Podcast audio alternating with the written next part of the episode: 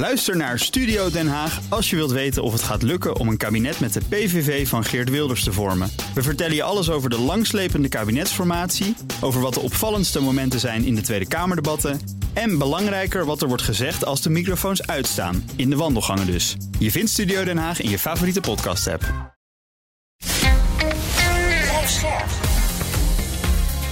BNR Nieuwsradio. Boekenstein en de Wijk. Hugo Reitsma. Welkom bij Boekenstein en de Wijk op donderdag, dag 421 van de oorlog in Oekraïne. En we hebben vandaag een vraag van Gert-Jan Ros. Uh, interessante vraag, want die, die begrijpt iets niet. En toen ik de vraag had gelezen, dacht ik, oh, ik begrijp het eigenlijk ook niet.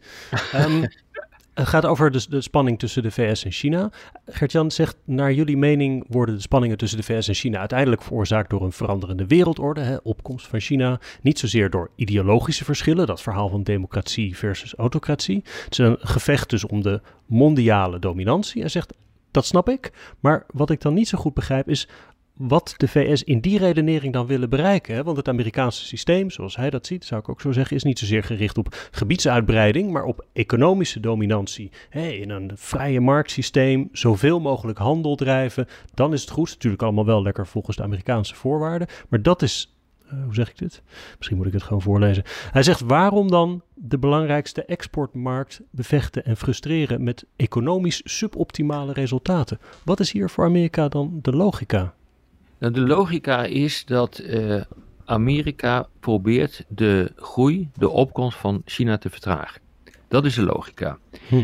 En uh, dat is de reden waarom al onder Trump begonnen is uh, met het aanpakken van bedrijven als Huawei en ZTE. Hm. En om die te bannen uit de, de kritieke infrastructuur de digitale kritieke infrastructuur van Amerika. Amerika zet ook de bondgenoten onder druk om dat ook te doen. Dat begint aardig te lukken, moet ik zeggen, in, uh, in Europa. Want ik uh, begrijp dat uh, bedrijven als Huawei het hier niet meer lekker meer heeft in Europa. En dus zich aan het heroriënteren is op bijvoorbeeld Afrika. maar de bedoeling is um, om te proberen dat die technologierace door handelsbeperkingen wordt vertraagd zodat de opkomst van, uh, van China wordt vertraagd en Amerika de boel op orde kan, uh, kan krijgen de komende jaren. En op mhm. orde krijgen betekent grip op kritische materialen, maar ook grip op bijvoorbeeld de halfgeleiderindustrie. Die moet je proberen zoveel mogelijk en zo snel mogelijk op te bouwen in Amerika, maar ook in Europa.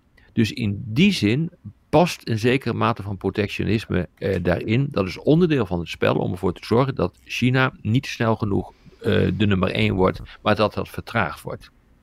Ja, en wat ook belangrijk is, van kijk, China is niet de belangrijkste exportmarkt van Amerika. Dat is wel voor Europa, maar hm. niet voor Amerika. Dat is één ding.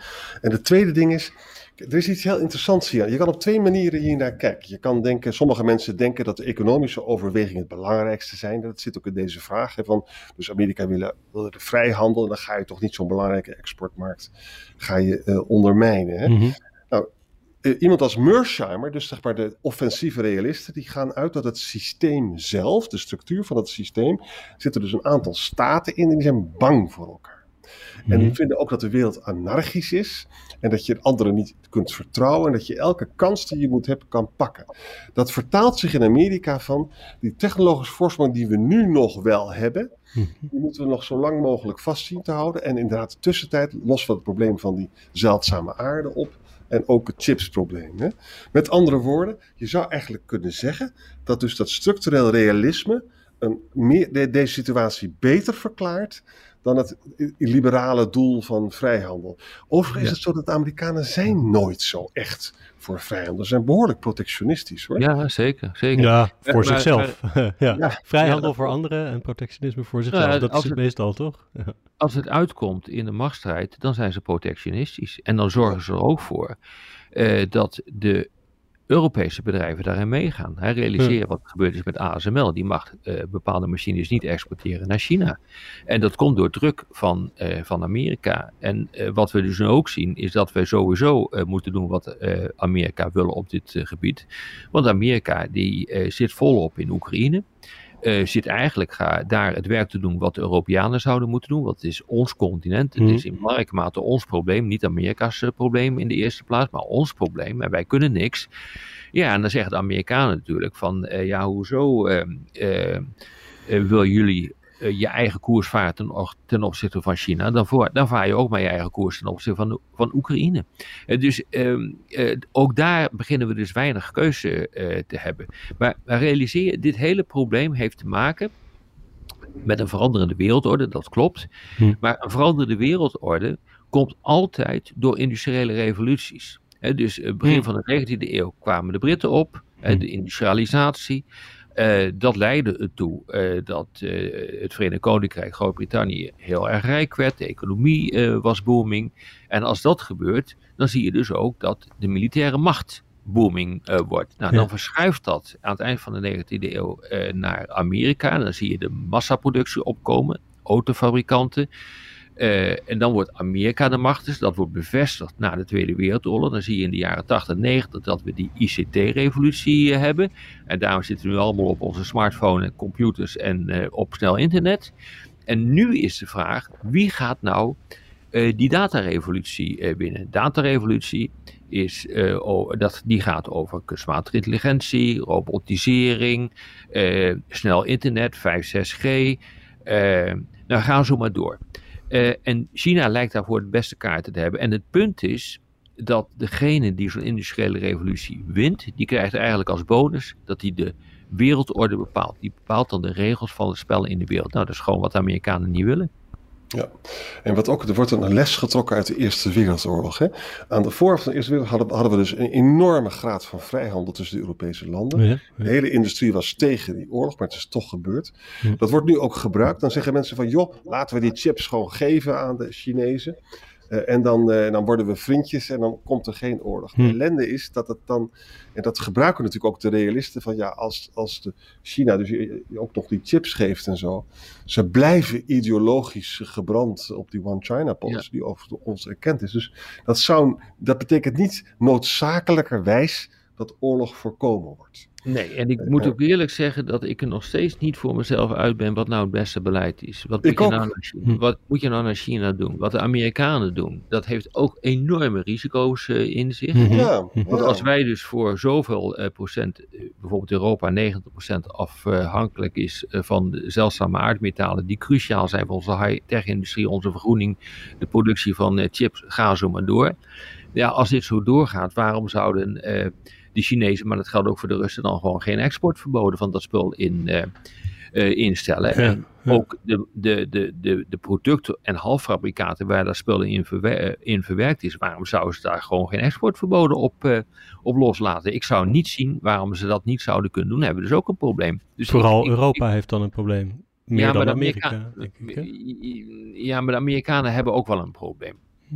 en, dat, en vooral als dat nog een keer weer gecompenseerd ge, Ehm, eh, ja, in verband wordt gebracht met een mogelijke blokkade van uh, Taiwan. Nou, daar hebben, we het, daar hebben we het zo vaak mm. over gehad, moeten we nou nog niet doen. Maar dat moeten de mensen inmiddels wel weten. Ja, Dan, moet, dan wordt het probleem, uh, wordt het probleem van, uh, van de Verenigde Staten eigenlijk alleen maar groter.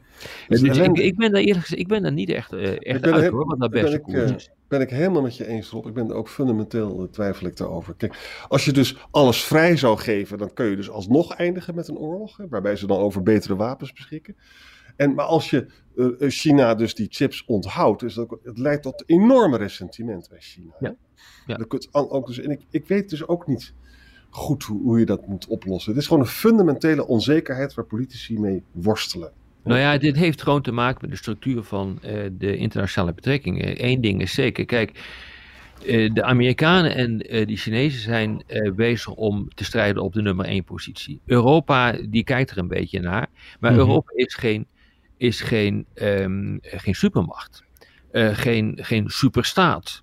Uh, wij zijn niet één land. Uh, we zijn wel rijk, maar we zijn niet de grote speler. En wij hebben ook niet uh, de positie, omdat we een collectie van landen zijn die samenwerken om de nummer één positie te krijgen in de wereld. Dus wij hebben wat dat betreft ook niks te verdedigen. Wij hangen daar een beetje tussenin en we willen zaken doen met iedereen uh, die maar mogelijk is. Dus dat hele idee van vrijhandel, dat wordt steeds meer typisch een Europees idee. En dat botst nu met de Amerikaanse belangen ja, om één te blijven.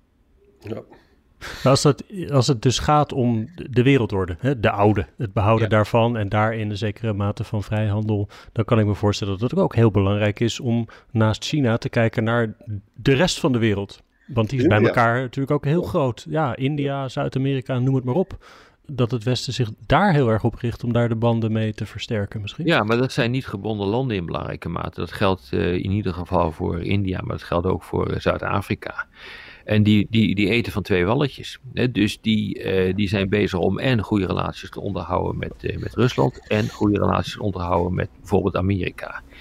Ja, dit, dit, het, ja, het is bijna onvermijdelijk dat je in die situatie komt waarin de blokken wel tegenover elkaar eh, staan en een grote groep landen zegt van wij willen hier niks mee te maken hebben en die worden niet gebonden. dus we gaan echt terug naar de Koude Oorlog op deze manier.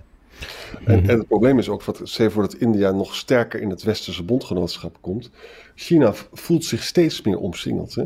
China heeft, heeft al zo weinig bondgenoten. En dat kan ook weer leiden tot wanhoopsdaden. Hè, als je je omsingeld voelt en zo. Ja, nou ja alles dus is mogelijk, ja. Het is geen gezellige podcast hier. Nee, maar eh, afgezien dat het geen gezellige podcast is, voor de zoveelste keer, um, is het wel logisch verklaarbaar. In de loop van de geschiedenis hebben we dit meerdere malen gehad. dit, vanaf de, de, de middeleeuwen hebben we gewoon 16 van dit soort grote transities gehad. Volgens mij is het nu de 17e waar we in zitten. Hm. Ja, in de meeste gevallen is gewoon altijd een oorlog uitgebroken. Twaalf keer was het, werd ja. ja. Dat klopt. Ja. ja. Nou, je zou willen weten waar dit eindigt, hè? Met, met ja, Rusland, dat weten we echt niet. Met dat China en met ons. Nou, ik begrijp, Rob en Azan, dat jullie dat wel kunnen. Oh. nou, vertel maar hoe. Dat jullie de toekomst gaan voorspellen. Oh ja, dat is waar ook. Nou ja, dat kan ik niet, maar ik wil wel een poging doen. Maar het leuke is, we hebben hele knappe professoren uitgenodigd. Die gaan dan voor ons doen. Dan kunnen wij er nog een beetje kritiek op geven. Dus een wat veilige positie. En dan houden we, ja, dat is ook wel veilig voor ons. Want dan laten we het gewoon anderen doen. En dan, ja, oké, maar vertel me even wat we nou gaan doen. Wij weten het al, maar de luisteraars nog niet, uh, Hugo. Ja, dus dat is Boekenstein en de Wijk voorspellen de toekomst. Binnenkort bij u in de buurt.